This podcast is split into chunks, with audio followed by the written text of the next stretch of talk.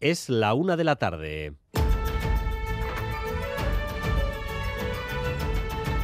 Crónica de Euskadi con Dani Álvarez.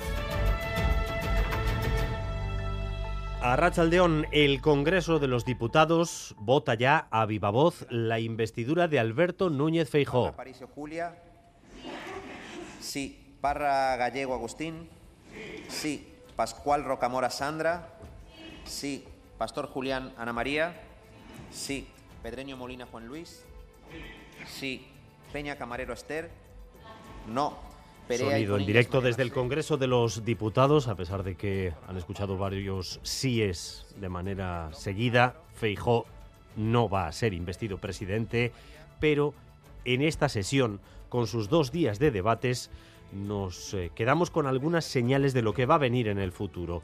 Porque hoy la diana de los principales dardos de Feijó ha sido el Partido Nacionalista Vasco. El candidato del PP, que quiso seducir hace semanas al PNV para que le diera sus votos, le ha dicho a Aitor Esteban que su hegemonía política, la del PNV, corre riesgo en favor de Euskal Herria Bildu porque en el Congreso apoyan a Pedro Sánchez y no a él. Si es con nosotros o con Junts, debe empezar a contar descontando 33. Aquí lo que hay que decir es entre Feijóo amnistía, pues oiga, planteadas así las cosas, amnistía. Ya sé que van a decir que hay que tomar una decisión y elegir entre Bildu y el PNV. Este es el eslogan de la campaña de las elecciones vascas. Pero hay algunos que recordaremos que el PNV y Bildu votan lo mismo en el Congreso.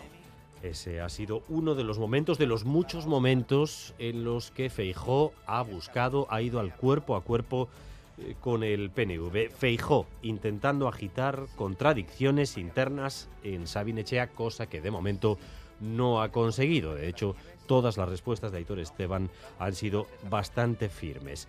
Con Euskal Herria Bildu, sin embargo, los argumentos del candidato popular han sido menos novedosos. Son solo eso, una escenificación para intentar ocultar su soledad, su incapacidad y su fracaso. Curiosa estrategia la suya. Bildu es el único partido en España al que habría que hacerle un cordón sanitario.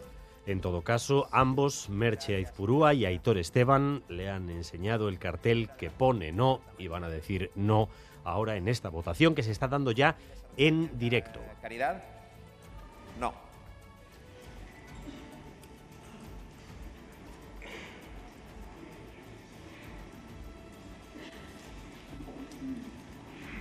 Pues ahora mismo vamos a ver el resultado de esa votación y todavía falta la segunda, que será el viernes, el momento en el que eh, terminará este intento de investidura fallido por Alberto Núñez Feijóo. Mientras en el Parlamento Vasco el Carrequín inicia una ofensiva contra el Departamento de Educación por las concesiones de las líneas de autobuses escolares.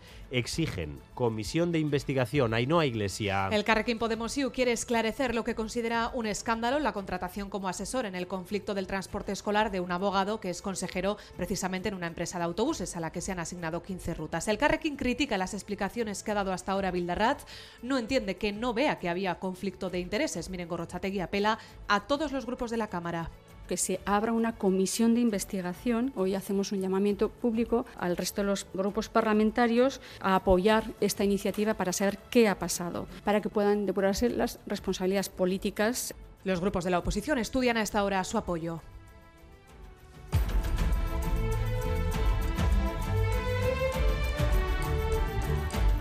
Y en la actualidad internacional, las últimas horas dejan también una imagen para la historia en los Estados Unidos. Su presidente unido a un grupo de huelguistas defendiendo los derechos de los trabajadores de los grandes fabricantes de coches en Detroit. Joe Biden lo hizo ayer y hoy va a ser Donald Trump el que viaje a Michigan, Oscar Pérez. Es una imagen inédita hasta ayer, todo un presidente de Estados Unidos, megáfono en mano, vistiendo la gorra del sindicato convocante, reclamando a los dueños de General Motors y Stellantis que hagan caso a las reivindicaciones de sus trabajadores.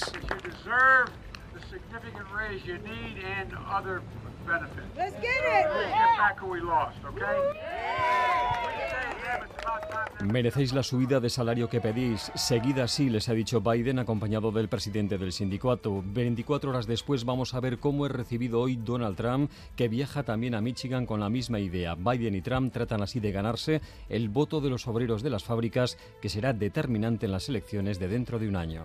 Cinemaldia acogerá esta tarde la gala EITV que tendrá una protagonista clara, la serie Ichaso, ficción en euskera, que tras su estreno en Donostia podrá verse en la plataforma Primeran a partir de mañana.